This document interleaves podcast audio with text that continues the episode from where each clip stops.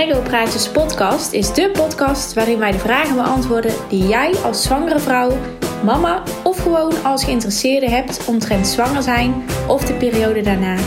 In onze afleveringen spreken wij zowel professionals, zwangere vrouwen als kerstverse mama's. In deze aflevering spreek ik Wilma Steurs. Zij is verloskundige bij FAM. Ze gaat ons een beeld geven wat te wachten staat vanaf het allereerste moment van jouw zwangerschap. Hoi, ik ben Wilma Steurs. Ik ben uh, verloskundige, al twintig jaar hier in uh, Tilburg en omgeving en uh, momenteel werkzaam bij FAM. En FAM, kun je uitleggen wat, wat is FAM? FAM is eigenlijk nog relatief nieuw. De 17 mei is pas de naam FAM bekendgemaakt. FAM is een uh, organisatie waar elke zwangere, of eigenlijk een vrouw die zwanger wil worden, zich aan kan melden.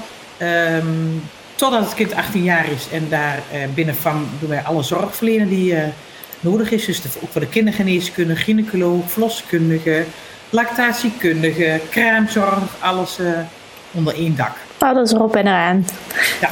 Oké, okay. en um, waarom heb je voor, voor dit vak gekozen? Um, ja, waarom heb ik daarvoor gekozen? Ik denk het, ja, het klinkt een beetje cliché, maar het is een soort van een roeping, denk ik. Uh, in eerste instantie heb ik altijd neonatologe wilde, willen worden. Mm -hmm. Toen ik me daar wat meer in ging verdiepen, toen um, kwam ik tot de conclusie dat het vooral meer beleid bepalen is en niet zoveel de zorg aan het bed zelf. Ja, dat doen verpleegkundigen over het algemeen meer. Uh, en dat is de reden waarom ik eigenlijk gekozen heb voor verloskundige, omdat dat veel meer de zorg aan, aan het bed is. Mm -hmm. En dan bedoel ik gewoon, spreken controles is ook zorg aan het bed, zeg maar. Dat je echt contacten met de mensen hebt. En het is natuurlijk ja, eigenlijk het mooiste beroep van de wereld. Want je bent bij iets heel bijzonders en iets heel intiems. Mm -hmm. Maar ik denk dat wij best wel een grote rol kunnen spelen. Um, en natuurlijk gaat het ook wel niet goed soms. Uh, maar ook dan kunnen wij uh, wel um, ja, een hele belangrijke uh, hulp bieden, zeg maar. Mm. Want toen, ik moet eerlijk zeggen, toen ik uh, erachter kwam dat ik zwanger was, uh, had ik de huisarts aan de telefoon die zei: Nou, zoek maar een verloskundige uit. Ik had geen idee. Ik denk, nou, hè, waar moet ik zoeken? Wat is een verloskundige? Ik had er natuurlijk al wel eens van gehoord, maar niet precies, ja, als je ermee in aanmerking komt, wat jullie dan doen. Dus stel, er, er, is daar iemand die komt erachter dat ze zwanger is en die krijgt dit van de huisarts te horen. Ga maar op zoek naar een verloskundige. Wat zou je dan adviseren? Um, wat goed is om even goed kijken welke hulp jij zelf denkt nodig te hebben. Dus eerst even bij jezelf uh, je behoeftes en uh, je wensen ontdekken. En dan denk ik dat de beste manier tegenwoordig is op internet te kijken wat bij jou past. Want elke verloskundige praktijk of verloskundige organisatie heeft wel een visie. of in ieder geval een stukje over zichzelf op de website staan. En daar kun je natuurlijk kijken of jij je, je daarbij wel bij voelt. Um, en buiten uh, op internet uh, googelen is natuurlijk wat je van vriendinnen hebt gehoord. En informeer daar eens hè, welke ervaringen jouw vriendinnen hebben. En het kan best zijn dat jouw vriendin een hele goede ervaring bij iemand heeft gehad. Omwille van, weet ik het wat, maar wat helemaal niet bij jou past. Dus je moet mm -hmm. zoeken naar iemand waarvan jij denkt dat het niet bij jou past. Want wat zou dan de verschillen qua visie kunnen zijn?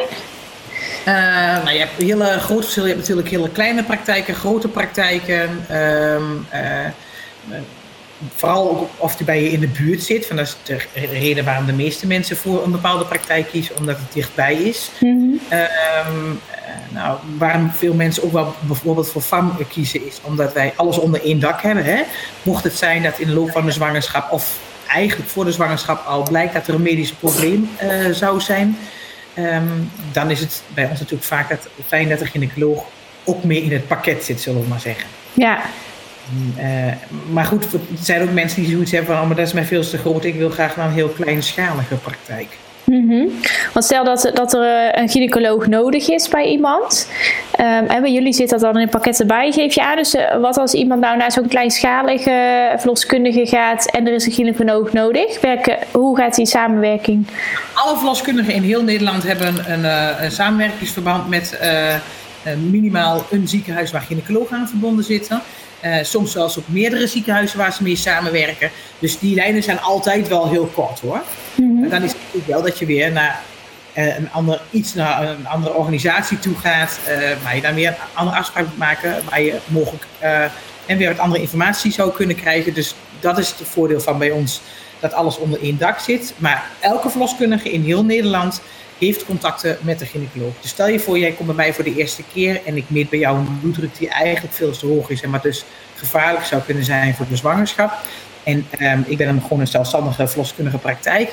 Dan zou ik uh, jou adviseren om naar de gynaecoloog over te stappen. En die uh, contacteer ik dan en daar draag ik jou dan aan over. Oh, Oké, maar dan houd je eigenlijk op dat moment uh, vooral contact met de gynaecoloog. Dus dan de afspraken zijn nog niet meer bij jullie. Als je echt een uh, medisch probleem hebt, hè, wat ik zeg, een, een, een, hele hoge bloeddruk waarmee je start, of uh, je blijkt zwanger te zijn van een tweeling, um, nou, zo zijn er nog verschillende uh, indicaties, dan worden controles gedaan door de gynaecoloog. Ja. Ah, okay. In Nederland gewoon standaard richtlijnen voor, de verloskundige indicatielijst heet dat. en elke regio heeft zelf binnen zijn samenwerkingsorganisatie ook afspraken uh, welke cliënten er bij de uh, verloskundige kunnen lopen en welke cliënten patiënten worden over het algemeen en naar de gynaecoloog uh, overgaan. Ah, Oké, okay. ja, duidelijk. Dus nou, hè, iemand is uh, zwanger en die komt bijvoorbeeld bij jullie terecht. Hè? Dus die gaat op internet zoeken zoals je aangeeft en kiest om welke reden dan ook voor jullie. Mm -hmm. um, hoe ziet dan dat begin eruit? Wat kan iemand dan verwachten? Nou, eigenlijk staan we al een stapje over. Um, we hebben namelijk ook nog het preconceptieadvies. Uh, en dat is als je zwanger wil worden. Nou, dan zijn de hmm. meeste mensen gewoon gezond al om zwanger te kunnen worden. Maar er zijn ook best wel wat mensen die uh, al wel medische problemen van tevoren hebben.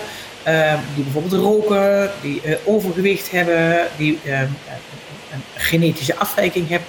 Noem maar op. En, uh, of sociale problematiek. En dan is het heel fijn als je de mensen van tevoren ziet, zodat je gezond aan de zwangerschap kunt beginnen. Mm -hmm. Dus uh, elke vrouw die zwanger zou willen worden, is eigenlijk fijn dat die op preconceptieadvies uh, gaan. Met name als er dus al problemen zijn. Hmm. Om gezond aan die zwangerschap te kunnen beginnen. Maar goed, jij was heel gezond, dus jij hebt een verloskundige gezocht in de regio die bij jou past. Um, dan bel je naar die verloskundige praktijk. En dan uh, wordt er een eerste afspraak gemaakt. Dat is ongeveer rondom de acht weken. En over het algemeen krijg je van tevoren al wat informatie uh, dat je wat kunt voorbereiden. Um, bij heel veel verloskundige praktijken uh, is het zo dat je van tevoren ook al een soort papieren anamnese afneemt. Dat kan zijn digitaal of op papier, zodat de verloskundige al wat voorbereid is voordat jij komt. Okay. En stel je voor dat er een medisch probleem is, dan kan ze zich daar ook wat meer in verdiepen. En ja, ze kan wat jou gerichter te woord staan. Oké, okay, want wat wordt er dan bij, bijvoorbeeld bij zo'n eerste afspraak gedaan? De eerste afspraak is vooral heel veel praten. Mm -hmm. Om um, jouw medische en sociale situatie uh, goed in kaart te brengen. Um, er wordt onder andere uh, je BMI bepaald, omdat dat ook een risico zou kunnen vormen in de zwangerschap. En dat je ook met andere protocollen weer aan vasthangen als je een, hoge BMI hebt of een heel laag BMI. Um, je bloeddruk wordt gemeten, je urine wordt gecontroleerd. Uh, en ja, de rest is allemaal. Wat hebben je ouders al voor uh, medische problemen gehad ooit uh, of niet? Heb je zelf al kindjes gehad? Heeft jouw mama kindjes? Heb je goede huisvesting? Gebruik je drugs, alcohol? Nou, eigenlijk hele medische toets en bellen wordt uh, doorgenomen met jou. Um, vervolgens krijg je uh, altijd een, een, labformuliertje mee en je krijgt uh, informatie mee voor prenataal, de prenatale testen die er zijn. Die worden kort aangestipt bij het eerste gesprek um, en je krijgt er dus informatie over mee naar huis. De bedoeling is dat je uh, op een later tijdstip een uitgebreider uh, gesprek krijgt alleen over de prenatale test. Dat doen we heel bewust niet tijdens de eerste contact, omdat het al zoveel informatie is wat je krijgt. Want je krijgt buiten mm -hmm. dat wij jou helemaal in kaart brengen, ook nog informatie over hoe de praktijk werkt, hoe de verloskundige in Nederland werkt, um, wat er van je verwacht wordt in de zwangerschap, wat je van ons kunt verwachten in de zwangerschap. Uh, wat kraamzorg wordt er al aangetipt, uh, van, uh, stipt, van alles en nog wat wordt er al benoemd. Dus het is veel informatie. Mm -hmm. En dan heb je het over die prenatale test. Mm -hmm. wat, wat houdt zo'n test in? Um, ja, dan, je wordt echt daarvoor gecounseld. Uh, een van de tests is bijvoorbeeld de 20 weken echo. Die kennen de meeste mensen wel. Om en nabij de 20 weken wordt er een uitgebreide echo aangeboden, die ook vergoed wordt door de zorgverzekering.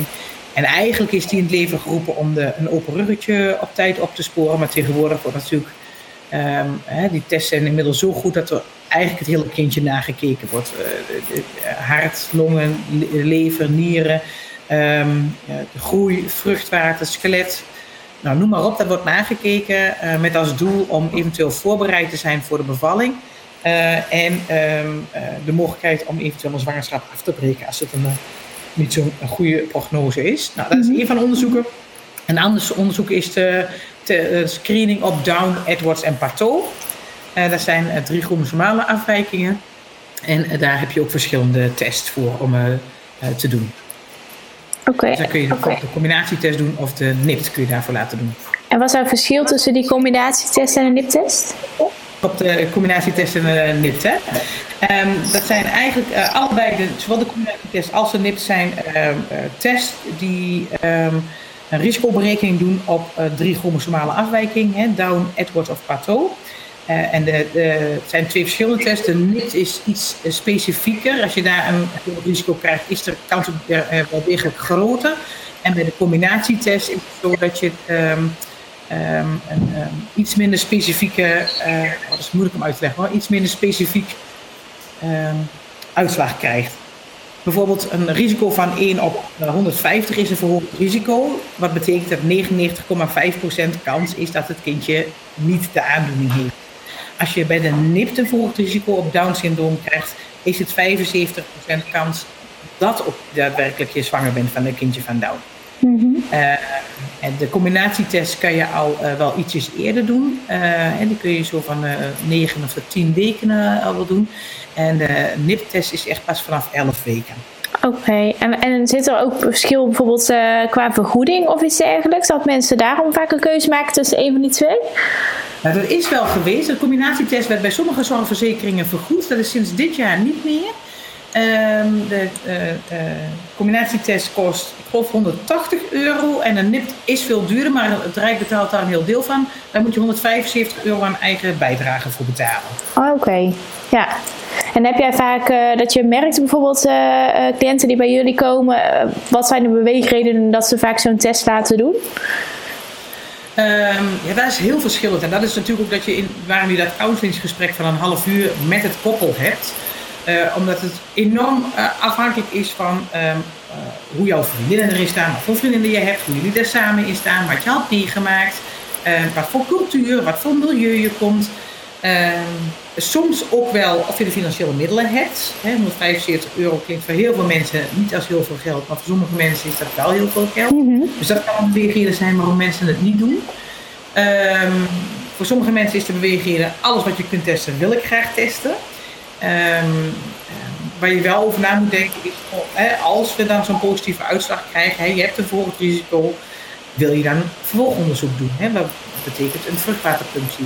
Dat is de enige manier om het te bevestigen. Mm -hmm. um, en wat zou je doen als dat dan ook weer positief is? Als je daadwerkelijk zwanger bent van een van die kindjes met een van die drie chromosomen eh, afwijkingen.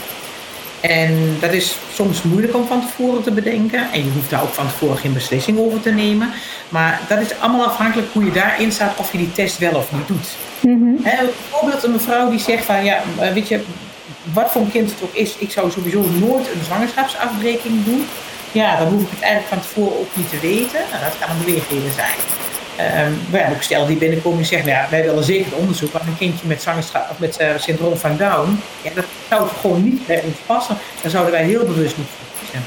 Ja, nou, zo'n zo koppel zou het natuurlijk wel uh, doen. Ja, en zitten dan ook, zijn er risico's verbonden? Want ik kan me herinneren dat er dan bijvoorbeeld van die vruchtwaterpunctie, dat daar dan weer risico's aan verbonden zijn.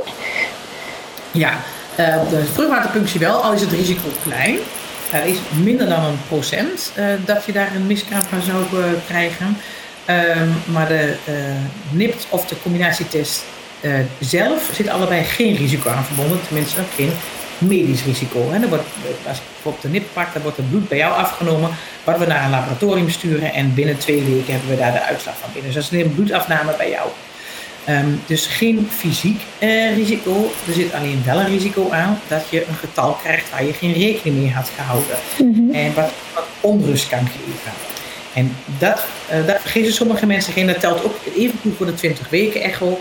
En daar heel veel mensen denken, oh dat is leuk, gezellig, even een echo. En dat is bijna altijd natuurlijk ook. Maar soms kan het ook zijn dat ze wat zien. En soms kan ook dat wat ze zien um, helemaal niks betekenen, maar mm wel wat onrust. Dus dat is natuurlijk wel een risico van alle tests eigenlijk die wij doen. Um, dat het ook onrust kan veroorzaken. En soms onrust die niet noodzakelijk zou zijn geweest. Ja, ja. En um, bij die, uh, bij die NIP-test, hoe zit, ik heb ook iets gehoord over een vlokkentest. Of hoe, hoe zit dat? Wat houdt dat in? De, je hebt de vlokkentest of de eh, vruchtwaterpunctie. Dat zijn de beide tests die, ervoor, uh, die um, uh, altijd volgen op een verhoogd risico bij de NIP of bij de combinatietest. Want de NIP en de combinatietest doen alleen een risicoberekening. En om het vast te stellen moet er of een vlokkentest of een vruchtwaterpunctie gedaan worden.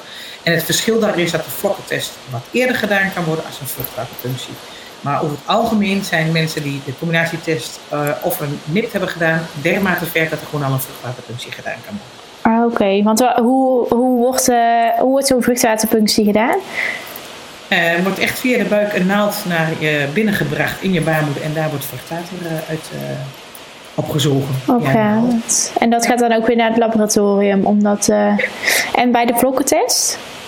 En dat gaat via de vagina. Oké, okay. maar ja, en dan halen ze daar ook net zoals ook vruchtwater uit, of? Ja. Oké. Okay. de vruchtwater dan halen ze uh, uh, vlokken uit, um, ja, uit de, uit de placenta. Oh, zo. Ja, ja, ja. Oké, okay. duidelijk. Oké, okay. nou ja, goed hè. Je gaf zelf al aan, van die 20 weken echo heb je. Um, hoe, hoeveel echo's heb je ongeveer in zo'n uh, proces? Um, de zorgverzekering vergoedt de termijn echo. Dus dat is een echo die tussen de 10 en 12 weken gemaakt wordt, of dat geval het meest betrouwbaar is. Um, en de zorgverzekering vergoedt de standaard de 20 weken echo. Het zijn eigenlijk de enige echo's uh, die elke zwangere uh, aangeboden mag krijgen. En, en op het einde, um, volgens mij kan ik me herinneren dat ik bij 36 weken ook een echo heb gehad. Een liggingsecho. Heel veel praktijken bieden die aan. Uh, maar dat is geen um, vaste echo die je eigenlijk aan mag bieden. De zorgverzekering heeft heel duidelijk daar afspraken over. En die hebben, nemen dat weer over van het Zorginstituut van Nederland. Dat alleen de de 12 weken echo of de termijn echo en de 20 weken echo de enige twee echo's zijn die je standaard moet vergoeden. Hmm. Stel je hebt 8 weken maar bloedverlies, is dat een indicatie? Hè? Dat is een, een, een echo intacte uh, zwangerschap. En heel veel praktijken doen natuurlijk ook bij de intake al een, eh, een, een echo. Uh, uh, die heb jij waarschijnlijk ook gehad bij de 8 weken, al, krijg je al een echo. Um, ik moet heel eerlijk zeggen dat ik die ook echt te verantwoorden vind. Um, wij willen heel graag de mensen met 8 weken al zien, zodat je op tijd kunt uh, informeren over de tests die er zijn. Hè. Dat moet je niet pas uh, bij 10, 11 weken, dan heb je ook helemaal geen bedenktijd meer. Je moet het allemaal veel te snel. Dus het advies is ook om met 8 weken de eerste controle af te spreken. En um, ik vind het dan wel heel fijn dat de zwangerschap van jou intact is. En dan wil ik ook eigenlijk wel heel graag weten of het er niet twee zijn, maar dan wil je ook graag op tijd van de zwangerschap weten. Mm. Um, uh, ik vind het ook heel jammer dat die uh, echo um, uh, geen landelijke afspraak is. Maar, nou ja, daar zijn we wel mee bezig. Maar voorlopig wil de zorgverzekering en of in ieder geval het zorginstituut wil het niet hebben. Oké, okay, want hoe zit het dan met die vergoedingen? Want je geeft aan van nou die twee, hè, die worden sowieso door de zorgverlener vergoed. Uh, hoe zit het dan met die, of zorgverzekering, sorry, en hoe zit het dan met die, uh, met die andere echo's? Um, ja, die doet dat in, bij ons in de, uh, is het dan het ziekenhuis. Uh, die, um, ja, sommige echo's worden wel vergoed. Bijvoorbeeld als er bloedverlies is geweest of heel veel echo's worden ook wel ingediend. Maar soms ook echo's dat ze niet vergoed worden, dat we ze wel maken. Maar het ziekenhuis heeft bij ons in ieder geval een vast pakket aan echo's wat zij vergoed krijgen van de zorgverzekering. En als jij er nou twee krijgt of je krijgt er vier, ja, dat is hetzelfde pakket. Oké. Okay juist niet meer vergoeding voor. Ja, maar is het dan zo dat cliënten dat, dat zelf moeten gaan betalen? Nou, als je, wij hebben een aantal echo's in ons zorgpad opgenomen hè, als uh, verloskundige en gynaecologen. En daar zit onder andere dus die uh, acht weken echo bij en die liggingsecho waar ook de groei gedaan wordt. Stel je voor dat jij zegt, ja, ik wil eigenlijk toch nog wel graag wat meer echo's. Dan zijn er in heel Nederland echobureaus voldoende die ook um, PrEF-echo's aanbieden. En wij als organisatie hebben ook de mogelijkheid dat mensen inderdaad een pret-echo mogen laten maken. Maar dan moeten ze dus zelf voor betalen omdat de zorgverzekering dat niet vergoedt. Ja, precies. En uh, bijvoorbeeld de geslachtsbepaling, valt dat ook onder een uh, pret-echo? Ja, ja, dat is absoluut geen medische indicatie om een, het geslacht van het kindje te weten. Dus ja, ik moet heel eerlijk zeggen dat ik dat terecht vind dat de zorgverzekering dat niet vergoedt. Mm Oké, want vanaf hoe, hoeveel weken zou bijvoorbeeld iemand een pret-echo kunnen doen om het geslacht te kunnen zien? Altijd wordt aangeraden vanaf 16 weken. En dan nog is het niet met zekerheid vast te stellen hoor. Uh, soms uh, heeft de, de, kleine gewoon lekker de beentjes op elkaar. Mm Ik denk maar dat het gewoon niet te zien is. Maar meestal is bij 16 weken het geslacht wel te, te, te bekijken. Oké. Je, je, had het net ook over een zorgpad, hè? Wat houdt dat precies in? Ja, zoals we, wij hebben afgesproken bij onze, al onze zwangeren die zich aanmelden, is dat zij bij de eerste controle een zorgpad meekrijgen. Uh, afhankelijk dus van jouw situatie, van uh, hoeveel kindje het is, wat je al hebt meegemaakt, uh, wat jouw BMI is, of je bijvoorbeeld een schildklierprobleem hebt, noem maar op. Dan krijg je een, een zorgpad mee die bij jou past. Het grootste gros heeft dus gewoon een low-risk zorgpad, die gewoon normaal zwanger zijn. En daarop staat een beetje wat wij van jou verwachten en wat jij van ons kunt verwachten. Dus welke termijn je de controles krijgt, wanneer de echo's gepland zijn, wanneer je bloed moet prikken, wanneer je informatie krijgt voor een informatieavond, wanneer je moet aanmelden bij de uh, zorgverzekering, wanneer je moet aanmelden voor kraamzorg. Uh, erkenning staat daarin. Uh, wanneer we de bloeduitslagen met jou bespreken. Ja, dat soort dingen, daar staat daarop. en dat is een standaard zorgplan. Als je een low-risk zwangerschap hebt, er is niks bijzonders met jou, krijg je een low-risk mee. Um, maar dat betekent niet dat we alleen maar dat doen wat daarop staat. Stel je voor, jij zegt ja, maar ik vind eigenlijk de periode te lang tussen de 16 weken en de 20 weken. Ik maar op, ik wil heel graag tussendoor nog een keer. Dan kan dat natuurlijk altijd. En dan probeer je wel het zorgpad op jou aan te passen. Oké, ja, dus op zich wel fijn, want als je dan dus uh, sowieso aan de bel trekt van nou, ik ben zwanger, ik zou graag bij jullie uh, verloskundige zorg willen, dan krijg je dus eigenlijk al gelijk te zien hoe dat het proces eruit gaat zien. Dus wat in welke afspraak gedaan gaat worden, wat je een beetje kunt verwachten.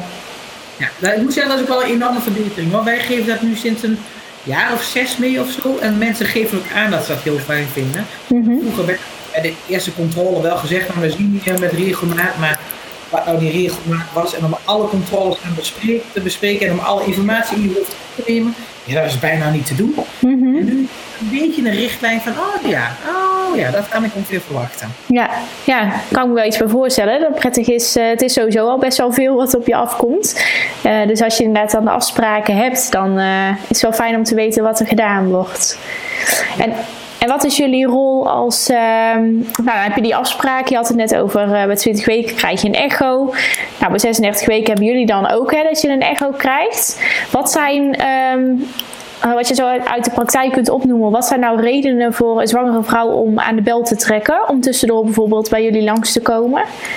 Nou, uiteraard uh, bloedverlies is een ehm, belangrijke reden. Uh, na de 27 weken, als je de kleine minder voelt bewegen, is uh, een uh, alarmsignaal. Maar ook um, zeker aan het einde van de zwangerschap hoofdpijn, weer gaan braken. Ongerustheid is eigenlijk het allerbelangrijkste, dat je gewoon altijd eventjes moet bellen. Um, ja, ik denk dat ongerustheid het allerbelangrijkste is. Dus als je zelf het idee hebt van er klopt iets niet, gewoon gelijk aan de bel trekken. Ja, ja, en natuurlijk buikpijn, al wordt buikpijn een beetje bij in de zwangerschap. Natuurlijk van het groeien en aan het einde van de zwangerschap ook een beetje hè, het voorbereiden op de bevalling. Mm maar ook dan weer als je denkt, hmm, dit is niet helemaal normaal, of uh, het wordt uh, met regelmaat, uh, moet het echt weg gaan zuchten. En dan is het altijd wel fijn als je eventjes aan de de trekt. En jullie zijn dan natuurlijk ook degene, weet ik nou uit ervaring, die erbij zijn bij de bevalling. En hoe gaat dat dan in zijn werk? Dus iedereen heeft die afspraken gehad. Hè? Dus je einde, ja, het nade eindigt, zeg maar. Het einde nadert, sorry, andersom. Um, en dan heb je bijvoorbeeld um, bij 36 weken heb je die echo gehad. Hoe zien dan de afspraken eruit? Want kom je dan uh, elke week of Ja, dus dat staat inderdaad op het zorgpad. Dan kom je elke week, totdat je tien dagen over tijd bent. Dan we weer een uitgebreidere controle voor mensen die over tijd gaan. Om uh, nog even wat dieper in te zoomen of de conditie van het kindje nog heel goed is. Uh, en um, rondom de 30 weken hebben we een informatieavond om de, over de bevalling. Waarin je ook al wat meegenomen wordt uh, in uh, wanneer je moet bellen, hoe een normale bevalling gaat. Welke pijnstillingsmethoden zijn, waar je kunt bevallen. Uh, in het begin van de zwangerschap hebben we het ook over dat het uh, handig is om eventueel een zwangerschapscursus te volgen. Op een heel breed scala, yoga, uh, haptonomie, nou, noem maar op. Ik heb gezien dat jij daar ook al verschillende podcasts over had gemaakt, over de mogelijkheden die er zijn. Mm. Bijvoorbeeld zwangerschapsyoga of zwangerfit of wat dan ook. Nou, 30 weken informatieavond en bij 32 weken krijg je bij ons een uitgebreid gesprek één op één over de bevalling waarin jij je wensen kunt aangeven, waar je zou willen bevallen, hoe je zou willen bevallen, wie je erbij wilt en eventueel uh, wat je van ons verwacht, zodat we samen voorbereid zijn op, uh, op jouw wensen. Mm -hmm. uh, en dan wordt er dus ook verteld um, wanneer je moet bellen. en dat is over het algemeen als de vliezen breken, vind het fijn als je belt. of als je weeën hebt, zo een uur lang rondom de vijf minuten, die ongeveer een minuutje duren. En dan uh, neem je contact met ons op. Dan telefonisch gaan we bekijken van, goh, hè, denken we dat er alle controle nodig is. Ook in samenspraak met jou. Uh, en jouw man natuurlijk. En um, stel je voor dat je inderdaad belt met uh, en bedenkt van, nou, een bezoekje is misschien wel handig. Of omdat jij onrustig bent of omdat wij denken, nou, het zou wel begonnen kunnen zijn. Dan um, spreken we met jou af of we bij jou thuis komen of dat je bij ons in het ziekenhuis komt. En over het algemeen doen we het eerste controle, zeker bij het eerste kindje, bij mensen thuis. Um, zodat je niet zo heel erg lang in het ziekenhuis zit, omdat anders een beetje ongeduldig kunt worden. Mm -hmm. Want dan, als, je zeg maar, als jullie ervoor kiezen om iemand naar het ziekenhuis te laten komen, dan is het eigenlijk ook de bedoeling dat diegene daar blijft. Ja, nou soms kan het ook wel zijn, stel je voor je bent heel onrustig, ja maar, wil, maar ik wil echt niet dat jij hier thuis komt. Ik, ik, ik, wil echt heel graag uh, uh, richting het ziekenhuis nu komen. Nou, dan ben ik natuurlijk de laatste die zegt, nee maar dat gaan we niet doen, ik kom bij jou thuis. Mm -hmm. Kom je naar het ziekenhuis en stel je voor, we doen inwendig onderzoek. Dat is de enige manier om te kijken of de bevalling begonnen is. En het is echt nog niet begonnen. Ja, dan kan het zijn dat je dus weer naar huis wordt gestuurd. Ja, maar dan kan het dus bijvoorbeeld wel zijn dat je al weeën voelt, maar dat er gewoon nog geen ontsluiting is. Ja. En dan zeggen ze van, ga maar weer terug, uh, ga maar weer terug naar huis. Ja. Nou, dan gaan we je sowieso nog even weer uitleggen over wat we ongeveer verwachten en uh, wat we voelen, wat we zien. Maar er zijn best wel mensen die best wel heftige voorweeën hebben. En voordat je ontsluiting krijgt, heb je ook wel wat um, uh, ja, oefenweeën, indalingsweeën, uh, verstrijkingsweeën, zullen we maar zeggen. Die baarmoeder moet, moet, eerst helemaal dun worden. En dat kost ook wel wat, uh, wat, wat uurtjes aan weeën. Um, dus het kan ook best zijn dat ik zeg, maar weet je, de bevalling is echt nog niet begonnen. Maar als het nou zo onrustig blijft, dan bel me over een paar uurtjes terug. En dan ga ik nog eens even voelen om te kijken of er wat veranderd is. -hmm. Oké. En stel dat er bij iemand de vliezen zijn gebroken en ze bellen jullie. Um. Nou ja, goed, hè, dan komt dus of diegene, uh, een van jullie komt naar, naar iemand zijn huis toe, of er wordt gevraagd om naar het ziekenhuis te komen. Kan het dan zo zijn dat, dat dat nog heel lang duurt voordat vliezen zijn gebroken, of hoe zit dat precies? Het breek van de vliezen wel. 15% van de bevallingen begint met het breek van de vliezen, 85% dus echt met weeën. Mm -hmm. um, als je vlies zijn gebroken, dan zijn er een aantal dingen die wij aan jou vragen aan de telefoon, en vooral uh, of de, het hoofdje is ingedaald of niet. Is het hoofdje mooi ingedaald, dat werkt als een soort stop in jouw bekken. Dus dan kan er geen handje of een navelstreng meer naar buiten spuwen als de vruchtwater naar buiten komt. Nou, wat we altijd inderdaad doen is een controle. Dat hoeft niet eens direct te zijn. Als het hoofdje mooi is ingedaald, je bent voorbij de 37 weken, er zijn verder geen bijzonderheden. En jij belt uh, bijvoorbeeld s'nachts om 4 uur. Nou, dan hebben we met jou gesproken en dan kun je in principe gewoon weer gaan slapen. En dan spreek je in de loop van de ochtend een controle af. Waar we dan dus even naar het hartje luisteren, even de kleur van het vruchtwater nog bekijken. Uh, nou, is er verder niks bijzonders aan, wachten we in principe gewoon af. Het is de bedoeling dat je um, uh, te hopen, en de kans is ook groot dat je binnen 24 uur na het breken van de vliezen uh, weeën gaat krijgen en gaat bevallen. Is dat niet zo, na de 24 uur, dan gaat de gynaecoloog de zorg overnemen. En dit is omdat na 24 uur de kans op een infectie weer ietsjes groter wordt.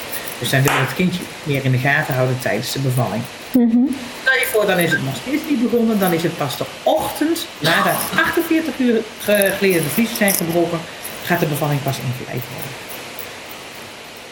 Oké. Dus sommigen denken echt, de vlies zijn gebroken, yes, het gaat beginnen. Ja, kan dus uiteindelijk nog wel echt lang duren inderdaad. Nou, en dan, uh, dan komt iemand bij, bij jou thuis hè, om even te kijken. Jij geeft al aan van nou, ze checken dan even hoeveel ontsluiting je hebt. Bij hoeveel centimeter ontsluiting wordt er nou gezegd van nou, ga maar naar het ziekenhuis? Of, Uh, dat is ook afhankelijk van jou. Kijk, hier in de regio hebben we heel duidelijke afspraken um, en een, een, soort van definitie wanneer je aan bevallen bent. Um, dus wat ik al zeg, je kunt best wat wil je van tevoren hebben, maar op het moment dat jouw baarmoedermond helemaal dun is geworden, bij je eerste kindje dan, hè, en minstens 1 centimeter open staat, vanaf dat moment zeggen wij, jij bent aan bevallen. En dan durven we eigenlijk te zeggen dat je in principe binnen nu en 12 uur bevallen bent. En daarvoor kun je best wat voorwerk hebben, maar dat is dan de bevalling nog niet. Um, bij een uh, tweede kindje is dat iets anders hoor. Maar bij een eerste is dus volledig verstreken baarmoedermond en minstens 1 centimeter uh, ontsluiting. Um, uh, nou goed, ik kom bij jou thuis en jij hebt al een paar uurtjes, je hebt al even in de douche gestaan en dan wordt die minder. Het is echt mooi regelmatig, zo om de drie, vier minuten. dan kom ik bij jou thuis en ik constateer inderdaad een verstreken baarmoedermond en 2 centimeter ontsluiting. dan gaan we weer met jou in overleg van, goh, wat wil je graag? Hè, je nog op je gemakje thuis? Vind je het nog fijn? Kun je nog lekker een beetje hè, je dingetje doen? Um, nou, dan kun je prima thuis blijven en dan kunnen we afspreken. Hè. We willen heel graag elke twee uur wel even in de gaten houden of de ontsluiting vooruit gaat en uh, het hartje van het kindje in de gaten houden. Uh, dan kunnen we afspreken dat we over twee uur weer bij jou zijn. Of dat we zeggen over twee uur dan in het ziekenhuis of in het kraamhotel. Het is helemaal afhankelijk van wat jullie willen.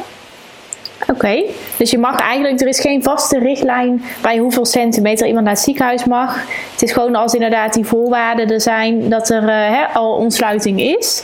Dus dat de bevalling begonnen is, dan mag je eigenlijk al die kant in. Ja. Oké, okay. nou, dan heb je natuurlijk. Het zijn als je een medische indicatie hebt, hè, bijvoorbeeld inderdaad wat ik al zei, een tweeling of je hebt uh, eerder een keizersnee gehad. Um, dan doen wij geen bezoekjes thuis. Dan is uh, de gynaecoloog degene die de bevalling doet en dan um, bel je met een verpleegkundige. En een verpleegkundige die uh, hoort aan de telefoon het verhaal en die zegt dan, nou, kom maar deze kant op of wacht nog eventjes, een beetje afhankelijk van hoe het verhaal is. Ah, oké. Okay. Ja, want dan is er natuurlijk ook wel weer een kans dat je nog best wel even in het ziekenhuis zit, hè, als je dan ja. uh, gelijk zou gaan. Een medische indicatie, dus uh, ze willen dan ook graag, hè, de, de, over het algemeen is het de reden dat je onder andere het kindje mee in de gaten wil houden de hele tijd, een continue registratie. En dat er een medische indicatie is, wil je dat ook van begin af aan doen. Ja. En um, de mensen die bij de verloskundige bevallen zijn, in principe de mensen zonder medische indicatie. En um, die zijn gewoon gezond zwanger en hoef je dat kindje uh, minder intensief in de gaten te houden als bij een medische indicatie. Ja, en uh, jullie gaan dan wel, stel jullie komen bij iemand thuis, jullie gaan dan ook mee naar het ziekenhuis voor de bevalling zelf? Ja, ja. Oké, okay. en wat is, jullie, wat is de rol dan die jullie hebben precies tijdens de bevalling?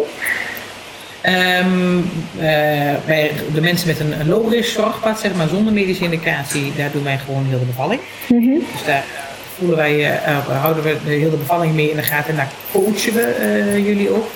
Um, en bij het ene stel, um, die doen we meer samen en komen we elk uurtje even binnenlopen, zeg maar, misschien elk half uurtje. En een andere mevrouw blijven echt op de kamer omdat hij heel erg de steun en de coaching nodig heeft. En dat is ook weer echt afhankelijk van de wensen van jullie. Ja. Uh, uh, de verloskundige dan ook in principe gewoon de bevallen. De bevalling, een medische indicatie ontstaat. En stel je voor, je hebt wel een medische indicatie. Um, de, uh, jouw vliezen zijn gebroken en jij belt en de baby vindt vruchtwater goed. Nou, dat is een medische indicatie. Dan ga je dus naar het ziekenhuis en neemt de gynaecoloog de bevalling over, omdat je het kindje op heel de bevalling wil registreren. En dan gaan we ook met jou mee naar het ziekenhuis. En afhankelijk van hoe ver je bent en uh, uh, wat jullie graag willen, kunnen wij ook gewoon bij de bevalling aanwezig blijven. Dus dat coaching uh, element, daar blijft er dan gewoon bij. Oké, okay. en, bij, en bij gewone bevalling, wie zijn er dan allemaal bij aanwezig? Um, Als je geen. Oké, okay. oh, dat is heel rustig. Toch? Ja. Heel veel, ja. Er zijn mensen die bijvoorbeeld een doula hebben geregeld. Ja. Man of vriend is erbij als je dat wil. Maar misschien wil je ook al je moeder of je vriendin erbij hebben. En, en een doula, wat, wat, wat, houdt dat in? Een doula is uh, iemand die uh, vaak wel wat medische kennis heeft, maar geen uh, een medisch specialist is of iets, maar die jou gewoon coacht. Die de hele tijd bij jou is, die jou steunt, je masseert, je wat uitleg geeft. jouw, jouw vaste haven, zeg maar, die specifiek, specifiek opgeleid is om een barende vrouw te kunnen begeleiden. Oké, maar, maar die hebben verder geen echte medische kennis? Nee. Nou, het kan wel een medische achtergrond zijn. Hè? Want je ziet wel dat kraamzorgen dat wel eens doen. Ja. Dat is best fijn. weten hoe de normale bevalling gaat. Maar zij hebben geen medische handelingen of iets. Oké, dus dat is eigenlijk wel het verschil tussen jullie. Want ik, hè, als ik zelf aan mijn eigen bevalling denk. Nou, Mireille, die was, dat was eigenlijk ook een soort coach. Hè? Die zegt ook precies wat je moet doen. En uh, die kan ook masseren. En, dus, ja. Maar, maar dan echt het medisch stukje, dat is dan het verschil tussen jullie en een uh, doula. Ja. ja. Ah, oké. En dan, nou goed hè, je bent bevallen, kindje is er. Uh, wat is dan jullie rol nog daarna? Um, wij blijven altijd uh, tot twee uur na de bevalling uh, in ieder geval in de buurt. Um, behalve dat kind uh, is er ook nog een placenta die eruit Dus die wordt dan ook nog daarna geboren. Daar wordt er gekeken of je gehecht moet worden. Dat doen wij dan ook. het bloedvlies wordt bij jou in de gaten gehouden. Um, dan in principe, dat kindje blijft een uur lang het liefste bij jou op de borst liggen, wat je natuurlijk wil. Omdat het voor de suiker en voor de temperatuur voor het kindje eigenlijk heel goed is. Natuurlijk voor de binding ook tijdens het eerste uur bij jou liggen. Uh, en dan houden we in de tussentijd houden die kleine in de gaten. En uh, om te kijken of je veel bloedverlies uh, hebt. Um, het kindje kan dan gaan zoeken. Mensen die borstvoeding willen geven, willen we binnen het eerste uur helpen bij met het kindje aan te leggen. En dan ongeveer als het baby een uur oud is, gaan we het kindje nakijken, wegen, testjes doen, reflexen testen, noem maar op. En een hele berg administratie mogen we dan nog doen na de bevalling uiteraard. Um, we geven een briefje meer voor de aangifte. We geven het kindje vitamine K. Uh, zorg voor een overdracht naar het consultatiebureau. Nou, dat soort dingen allemaal. En dan na twee uur ongeveer gaan wij uh, naar huis. Dan zorgt de kraamzorg ervoor dat jij lekker wat gegeten hebt, dat je gedoucht hebt, dat je geplast hebt binnen vier uur na de bevalling. en dan kun je in principe of naar huis of naar het kraamhotel, daar waar je wil. Oké, dus jullie zijn ook in het ziekenhuis zijn je dan nog even aanwezig. En als iemand uh, bijvoorbeeld thuis bevalt, dan is dat ook dat jullie bijvoorbeeld nog zo lang aanwezig zijn. Ja, ja dat is eigenlijk hetzelfde. Oké. En je hebt. instructies uh, mee over wanneer wij weer gaan komen. Hè, dat je natuurlijk altijd mag bellen als er iets bijzonders is. En dan hebben we een, een vast schemaatje waarop wij nog um, thuisbezoekjes aan jou brengen. Mits alles goed gaat. En als er problemen zijn, komen we uiteraard vaak. Mm -hmm. Dus kom thuis bent of in het kraamhotel, maar niet uit, komen wij met regelmaat uh, even kijken hoe het gaat. De grootste zorg uh, levert aan de kraamzorg. Hè, die doet echt de controle bij moeder en kind. Die houdt bij de borstvoeding, bij de vestvoeding, uh, het wegen. nou, of bij jou alles medisch technisch allemaal goed gaat. En wij komen eigenlijk um, vooral voor de gezelligheid natuurlijk. maar ook um, om ja, de gegevens van de kraamzorg samen te implementeren en beleid te bepalen. Maar mocht het zijn dat de kraamzorg bij jou thuis is en zegt van nou, die temperatuur is toch wel hoog, neem ze altijd op contact Oké. Okay. Hij, blijft een, uh, medisch aanspreekpunt, zeg maar, maar de zorg wordt heel veel geleverd door de kraamzorg. Want die kraamzorg, wordt die dan uh, ook door jullie ingeschakeld op het moment dat iemand bevallen is? Of moet iemand dat zelf regelen? Um, nou, tijdens de bevalling wordt de kraamzorg natuurlijk al gebeld die de bevalling die, gaat begeleiden. En um, hier in de regio is dat vaak dezelfde die die thuis komt, dezelfde kraamzorgorganisatie. Dus wordt in ieder geval allemaal door ons dan op dat moment geregeld. Dan hoef jij zelf niet te regelen. Oké, ja, dat is wel fijn om te weten. Een, een particulier of een, een, een, een kleinere kraamzorgorganisatie hebt die niet de bevallingen begeleiden in het ziekenhuis, um, dan kan het wel zijn dat je dan de eh, kraamzorgorganisatie even moet bellen. Het ligt een beetje aan wat jij net hebt afgesproken. Ja. Sommige, eh, ik weet dat er een aantal hele kleine kraamzorgorganisaties zijn die uh, uh, niet heel veel kraamzorgers in dienst hebben. Die best wel persoonlijke zorg gegeven. Die hebben vaak al kennis gemaakt met jou in de zwangerschap. En daar heb jij zelf al informatie van gekregen wanneer je ze moet bellen. Ja. ja. Oké. Dan nog heel even een stapje terug, want ik hoorde jou straks zeggen over, uh, over het inleiden. Hè, na tien dagen dat iemand dan bijvoorbeeld, uh, dat er dan gekeken wordt even of dat kindje het nog goed heeft hè, in de buik. Um, wanneer wordt iemand ingeleid? Kan het al eerder dan dat iemand bijvoorbeeld uh, eh, 42 weken zwanger is? Ja, in principe hebben we hier in de regio de afspraak dat ehm, als mensen willen dat ze met 40 weken ingeleid kunnen worden. Um, daar worden ze wel in gecount. Wat ik wil zeggen, bij 10 dagen over tijd, dus we hebben 41 weken en 3 dagen, hebben wij wel standaard een afspraak in het ziekenhuis. Ehm, om een hartfilmpje te maken en een echo te maken. En even uh, weer opnieuw in kaart brengen van gaat alles nog goed? De bloeddruk moeder nog goed? En dan word je ook nog gecounterd van hè, hoe staat het ervoor? Als het enigszins de conditie van het kind en van moeder het aan kan, dan wordt er geadviseerd om toch de 42 weken af te wachten. Omdat het natuurlijk heel fijn is als jouw lijf zelf begint. In plaats van dat je ingeleid moet worden. Dan loop je vaak toch een beetje achter de feiten aan. Uh, maar het is continu het afwegen van de beste van de twee kwaaien, zeg maar. Het feit is dat je lijf gewoon zelf uh, doet. En de grootste kans is ook dat jouw lijf dat doet uh, ergens tussen die 40 en die 41 weken. Hè? Dan is de grootste kans dat jij gaat bevallen. Um, maar goed, er zijn mensen die zoiets hebben, ik, wil gewoon echt niet meer, ik ga niet meer zitten, ik ben helemaal op, ik wil gewoon op 41 weken ingeleid worden. Wat je wel moet realiseren is dus, wat ik al zeg in de inleiding, dan moet je het eigenlijk van niks gaan ophalen. En juist als je heel erg op bent, het kan een langere bevalling betekenen. Mm Dus je moet bewegen of, uh, of je dat wil, ja of niet. Want wat, wat, wat zou dan nadelige gevolgen zijn van het inleiden? Want je hebt het over een langere bevalling. Eh, is dat, en dat is puur omdat jouw lichaam er eigenlijk nog niet klaar voor is. Of het in ieder geval zelf voor niet aangeeft. Exact, exact. Want hoe gaat zo'n inleiding? Wat wordt er dan precies gedaan? Ja, het is op hele verschillende manieren. Um, bij het eerste kindje, als die baarmoedermond nog helemaal niet rijp is, hè, nog niet verstreken is, nog niks open staat, dan krijg je eerst een gel. Uh, en dat kan twee keer per dag zijn dat ze dat uh, geven in de hoop dat jouw lijf dat oppikt en um, zelf die hormonen aan gaat maken om te gaan bevallen.